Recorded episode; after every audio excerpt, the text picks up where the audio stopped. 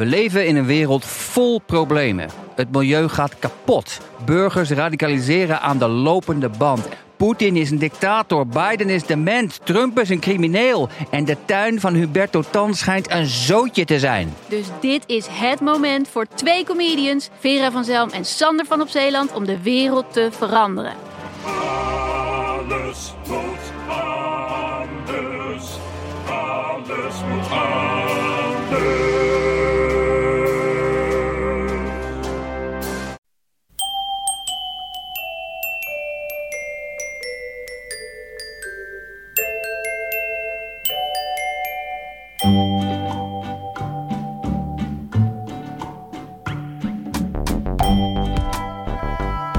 Welkom bij aflevering 337 van Echt Gebeurd. De podcast waarin mensen hun eigen waargebeurde verhalen vertellen. Maar waarin ook af en toe iemand voorleest uit het dagboek dat hij of zij bijhield als puber. Vandaag het puberdagboek van Jorine Lamsma.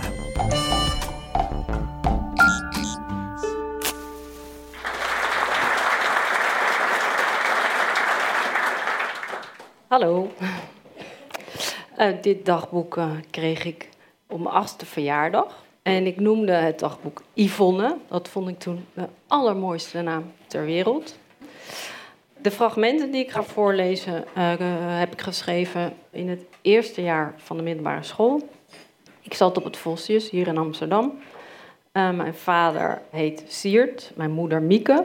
Zo noemde ik ze ook, niet papa of mama. Ze zijn gescheiden en ik heb geen broers of zussen. 25 augustus 1983, toen was ik 12. Lieve Yvonne, dit dagboek schrijf ik in de eerste plaats om veel dingen te onthouden, voor later. Mijn jeugdherinneringen wil ik bewaren en daarom vertel ik je misschien wel saaie dingen. En omdat jij je ogen niet in je zakken zult hebben, omdat je zowel geen ogen als zakken hebt, hou ik je bezig of verveel ik jou met mijn naaste omgeving. Misschien komt er wel oorlog en is het leuk voor de overblijvers uh, om dit te lezen als herinnering. Grapje. Maar omdat dat heus niet het geval zou zijn, naar ik hoop, schrijf ik de meest onmogelijke onzin op. Ik schrijf nogal gewichtig en ouderwets, maar dat komt omdat ik Anne Frank lees. Je hebt gemerkt dat ik met drie verschillende pennen geschreven heb en dat is om mijn verjaardagsgekregen pennen te laten zien. Dat ik jou een naam geef is omdat ik niet zou weten tot wie ik mij anders zou moeten richten. Misschien ga ik je wel Kitty noemen, omdat ik Yvonne eigenlijk niet zo fantastisch meer vind, maar ik ben erop tegen een gegeven naam die ik vroeger wel leuk vond te veranderen. Het heeft zo zijn betekenis. hey, ik moet naar de douche. Tot snel. 26 februari 1984. Dan ben ik 13. Beste Yvonne, ik zit nu al een half jaar op het Vossius, een rot half jaar. Niet dat het Vossius zo stom is, maar met alles eromheen is het bijna een hel.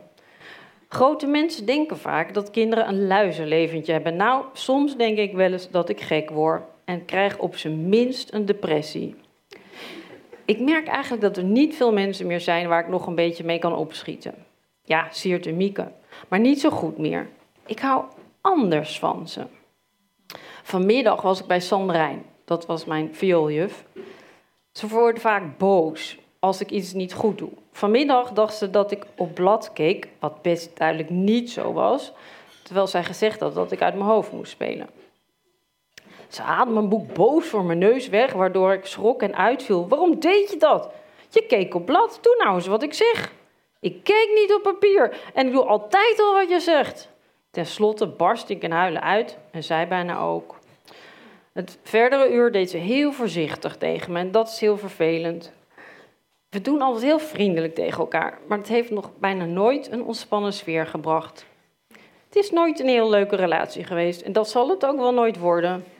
Ze heeft het namelijk met geen van haar leerlingen. 29 februari. Hoi, Anne Frank ben ik dus aan het lezen en ik hoop het vanavond in bed uit te lezen. Het is mooi geschreven. Ze heeft een grote woordenschat, maar daarom kom je er niet zo snel door. Het is geen pluk van de pettenflat. Viool, vandaag ben ik naar Sanderijn geweest en het was best leuk. Het was niet zo gespannen. Maar elke keer als ik die 30 gulden aan haar geef, dan denk ik... Jeempie, wat je daar allemaal niet van kan kopen. Volgende onderwerp, school. Voor mijn Franse proefwerk heb ik een 6,5 gehaald. Wat ik zeer slecht vond. 1 maart. Hoi Piepelooi, ik wil het hebben over de scheiding. Op 3 december 1980, op een woensdagavond, toen we net cadeautjes voor Sinterklaas gekocht hadden in de stad, vertelde Siert en Mieke dat ik nog wat mocht drinken. Ze moesten wat met me bespreken. Wat ik gekozen had, weet ik niet meer, maar ik zat met mijn ellebogen op tafel. Ze vertelden dat ze wouden scheiden en ze dachten dat ik het al wist, want die week vroeg ik zoveel over scheidingen. Maar dat was omdat er zoveel mensen zijn gescheiden. Mijn ellebogen schoven naar voren en ik vroeg: Het is zeker een grapje, hè? Dat bleek dus van niets. En toen waren mijn ellebogen zo ver dat ik mijn hoofd tussen mijn armen legde en begon te huilen. We hebben heel wat gehuild die avond. De eerste dag weer op school, op 4 december, zei Mieke tegen meester Kees dat ik misschien wat verdrietig zou zijn door gezinsomstandigheden. Rosie kwam eraan en ik was weer helemaal de oude. Nou, wat was ik somber, hè? 9 maart. Hoi Ivootje. Ik ben niet meer zo pessimistisch. Zondag twee weken geleden heb ik ruzie gehad met Siert. En hij vond dat ik mijn vreugde te veel aan anderen geef en voor mezelf niets meer overhoud. Hij vindt dat ik mijn liefde aan mezelf en aan een paar andere kinderen moet wijden. Anne Frank zegt hetzelfde. Hé, er is helemaal niks lekkers om iets van te maken. We kunnen kaasfondue eten met speciale kaasfondue pakjes. Maar dat wordt dan de derde keer deze week dat we wat met stokbrood doen. Wat gaat de tijd eigenlijk snel als je lekker tegen de verwarming aan ligt? Gewoon heerlijk. Maar het lijkt wel alsof de minuten dan vijf seconden zijn. Gewoon vreselijk. Jeempie, wat moeten we nou eten? Ik ga naar het huis van Mieke en haal mijn kookboek en onderbroeken op. Jorine. Iets later. Joehoe, ik weet al wat we gaan eten. Aardappels, gekookt, rode bieten en slaafvinken. Nou, doeg! PS, ik ben dus niet naar Miekes huis gegaan, maar er zijn geloof ik nog onderbroeken hier. 9 mei. Lieve schat, over scheiden. Het is heel lastig om gescheiden ouders te hebben. Natuurlijk is het ook niet leuk, maar dat is het punt niet zo bij mij. Het verleden tracht ik te vergeten. Maar het heden is niet leuk. Al het gesjouw en al het gewissen was over geld. Geld voor vioolles, alimentatiegeld, studiegeld, zakgeld. Eten kopen kost ook veel geld. Ik vind het rot als ik weer een allergie heb, omdat ik dan naar de dokter moet en dat kost ook geld. Ik verlang ernaar om veel geld te hebben om een rustig leven te kunnen leiden, zonder geldzorgen. En met mijn ouders kan ik geen rustig en zorgeloos leven leiden. Je kan ook veel minder omdat je rekening moet houden met de ander. Ik zou bijvoorbeeld niet een jaar met Mieke op stap kunnen gaan, omdat ik Siert zo zou missen. Scheiden is vervelend. Rot, kloten. Alleen, ik zou ze voor geen goud weer bij elkaar zien. Ik ben nu aan het vals spelen met pesten. Ik heb uitgedeeld en mezelf drie jokers, drie achten en een twee gegeven. Vals, hè? Vanavond is Joep Meloen op de tv. Toedeloe. 22 mei. Hoi Piepelooi. Ik ben eigenlijk een raar mens. Ik heb overal een uitgesproken mening over. Het lijkt wel of ik geen eenheid ben. Alsof ik in diggelen ben en mezelf niet meer in elkaar kan zetten. Het is moeilijk om mezelf te begrijpen en ik geef mezelf ook vaak op mijn kop. Het is al helemaal moeilijk voor iemand anders om mij te begrijpen.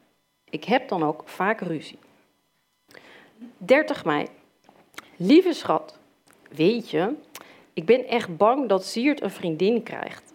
Hij heeft er al eens een gehad, best een leukert, maar ik weet niet. Ik vind het verschrikkelijk. Ik heb eens in een driftbui gezegd dat ik het zo saai vond alleen met hem. Natuurlijk gaat hij voor mij geen vriendin nemen, maar het zit me toch niet lekker. 15 augustus. Hallo, weet je dat je al bijna op bent? Dat vind ik nou zo treurig. Alsof je nooit meer contact kan opnemen met iemand.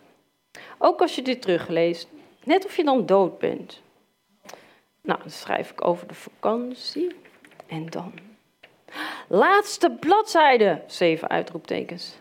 Deze bladzijde schrijf ik niet propvol, zodat je nog niet helemaal dood voor me bent.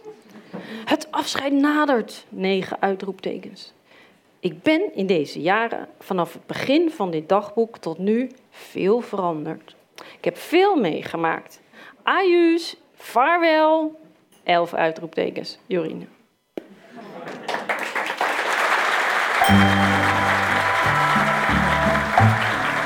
Dat was Jorine Lamsma, die in oktober jongsleden uit haar puberdagboek voorlas tijdens een echt gebeurtmiddag in comedyclub Toemler in Amsterdam.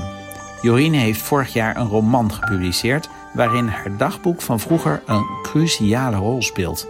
Het puberdagboek waaruit ze voorlas staat zelfs op de omslag van die roman. Het boek heet Het Verhaal van Marie en is verkrijgbaar via de website www.hetverhaalvanmarie.nl. Ga er maar even heen, want het is toch altijd ook leuk om even zo'n oud dagboek te zien. Momenteel werkt Jorien aan een tweede roman. De redactie van Echt Gebeurd bestaat uit Paulien Cornelissen, Roze van Toledo, Maarten Westerveen en mijzelf, Micha Wertheim. Productie Hanne Ebbingen, zaaltechniek voor deze aflevering Florian Jankowski, podcast Gijsbert van der Wal. Dit was aflevering 337. Tot volgende week en pas op, je moet je vreugde niet met te veel mensen delen.